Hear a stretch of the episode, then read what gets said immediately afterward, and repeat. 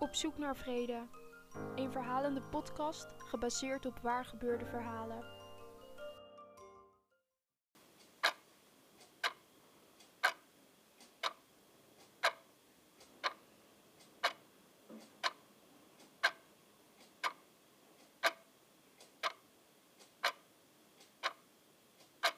Hier zit ik dan alleen op de bank in mijn nieuwe huis.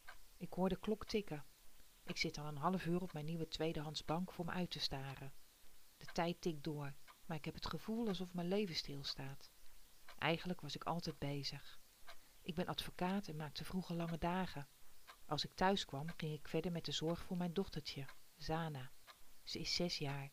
Ze is de kleine versie van mij, altijd druk en vrolijk. Ook in het AZC was ik bezig. Ik praatte met andere mensen en ik deed vrijwilligerswerk. Mijn doel was om een verblijfsvergunning te krijgen. Nu ik hier op de bank zit, heb ik het gevoel dat ik geen doel meer heb. Zana en ik wonen sinds één maand hier op vijf hoog. Het is anders dan het grote witte huis met het uitzicht over de stad waarin Zana is opgegroeid. We hadden een kleurrijke huiskamer. De huiskamer hier heeft nog geen sfeer. De muren zijn fel wit en er staat alleen een bank en een tafel. Privacy, dat hebben we hier gelukkig wel.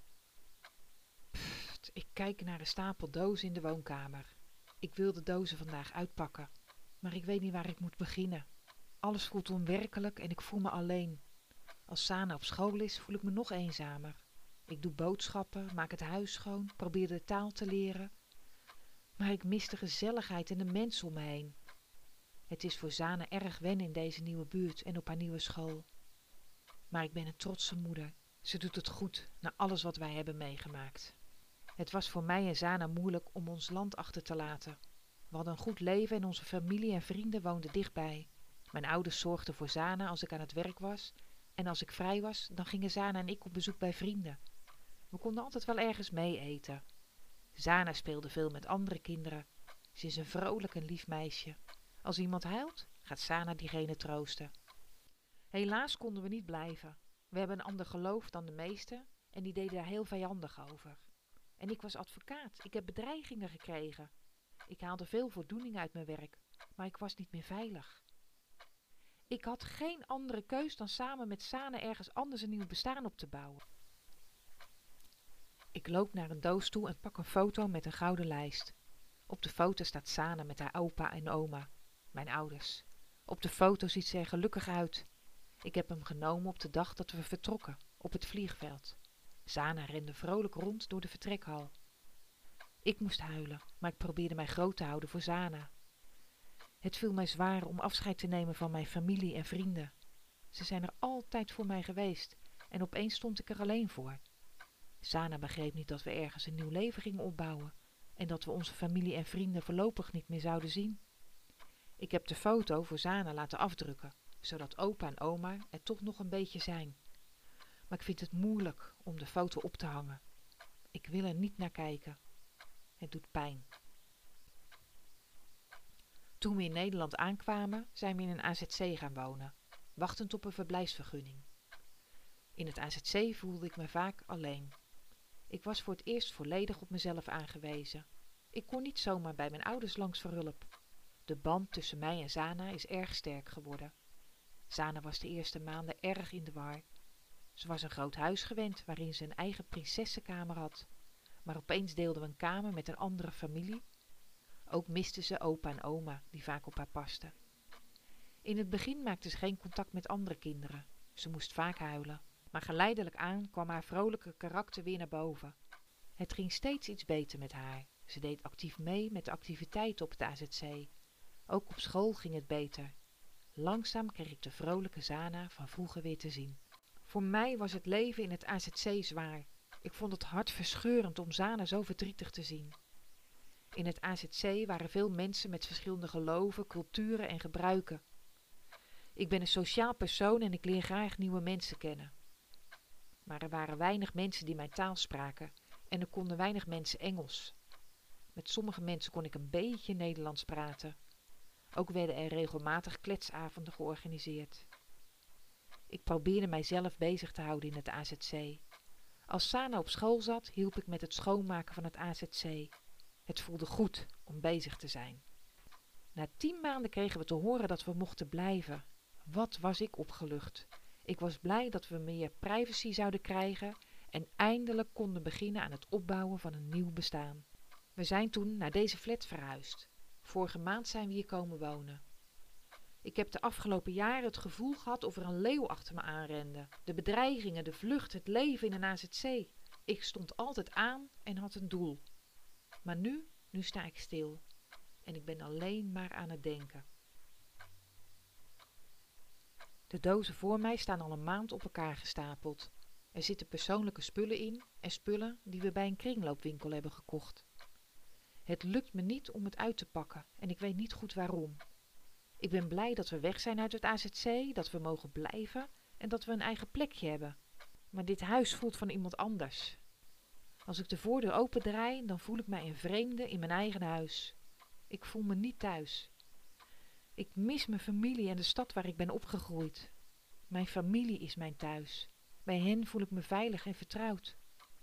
Hier heb ik nog geen leven. Ik heb geen werk, ik spreek de taal niet goed, ik heb geen vrienden.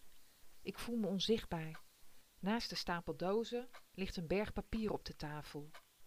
In het AZC werd ik geholpen met de procedure, de dokter, de administratie.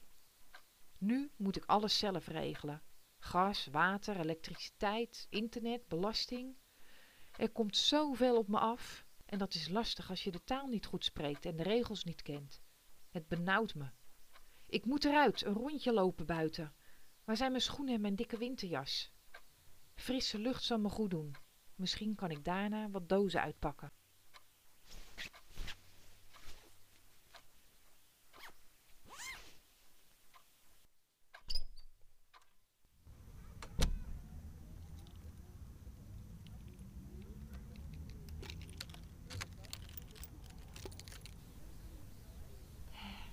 Net voelde ik me nog onzichtbaar, maar nu ik buiten loop niet meer. Ik heb het gevoel dat mensen naar mij kijken, dat er op mijn voorhoofd staat dat ik een buitenlander ben. Ik ben al een paar keer aangesproken door buren.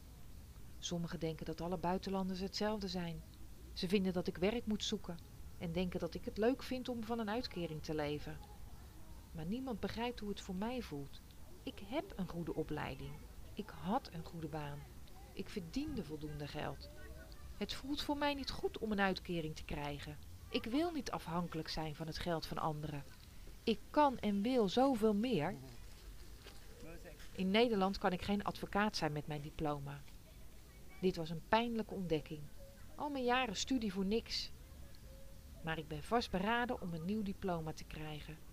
Ik ben hard aan het studeren om de taal te leren en daarna wil ik een universitaire studie doen. Ik wil van betekenis worden voor mijn nieuwe maatschappij. Veel mensen hebben een oordeel over mij en dat doet pijn. Niemand vraagt echt naar mijn situatie. Op dat soort momenten mis ik mijn familie en vrienden nog meer. Als mensen open zouden staan voor mijn verhaal, dan zouden ze het misschien begrijpen. Ik zou zo graag weer even terug willen naar mijn familie. Ze even vasthouden, knuffelen. Of een rondje lopen door mijn stad. Maar ik weet dat ik niet op bezoek kan komen. Vluchten is een misdaad en ik weet niet hoe het zal aflopen.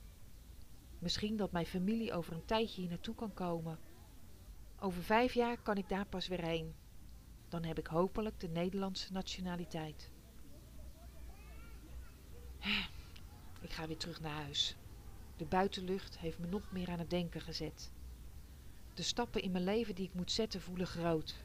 Een nieuwe taal leren, een nieuwe studie volgen, nieuwe mensen ontmoeten, in een nieuwe cultuur leven. Maar ik besef dat ik moet beginnen met kleine stappen.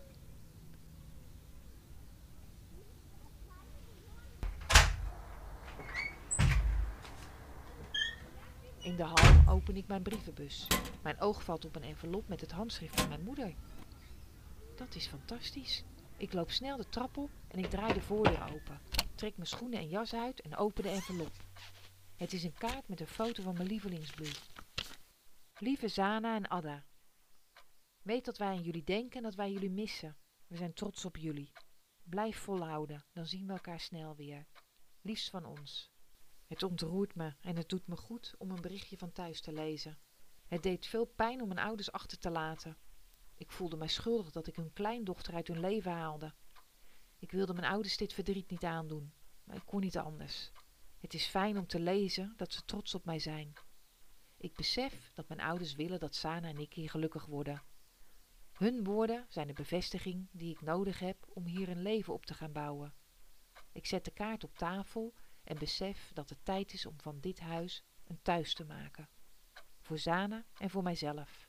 Ik pak een hamer en een spijker en hang de foto van Zana met opa en oma op.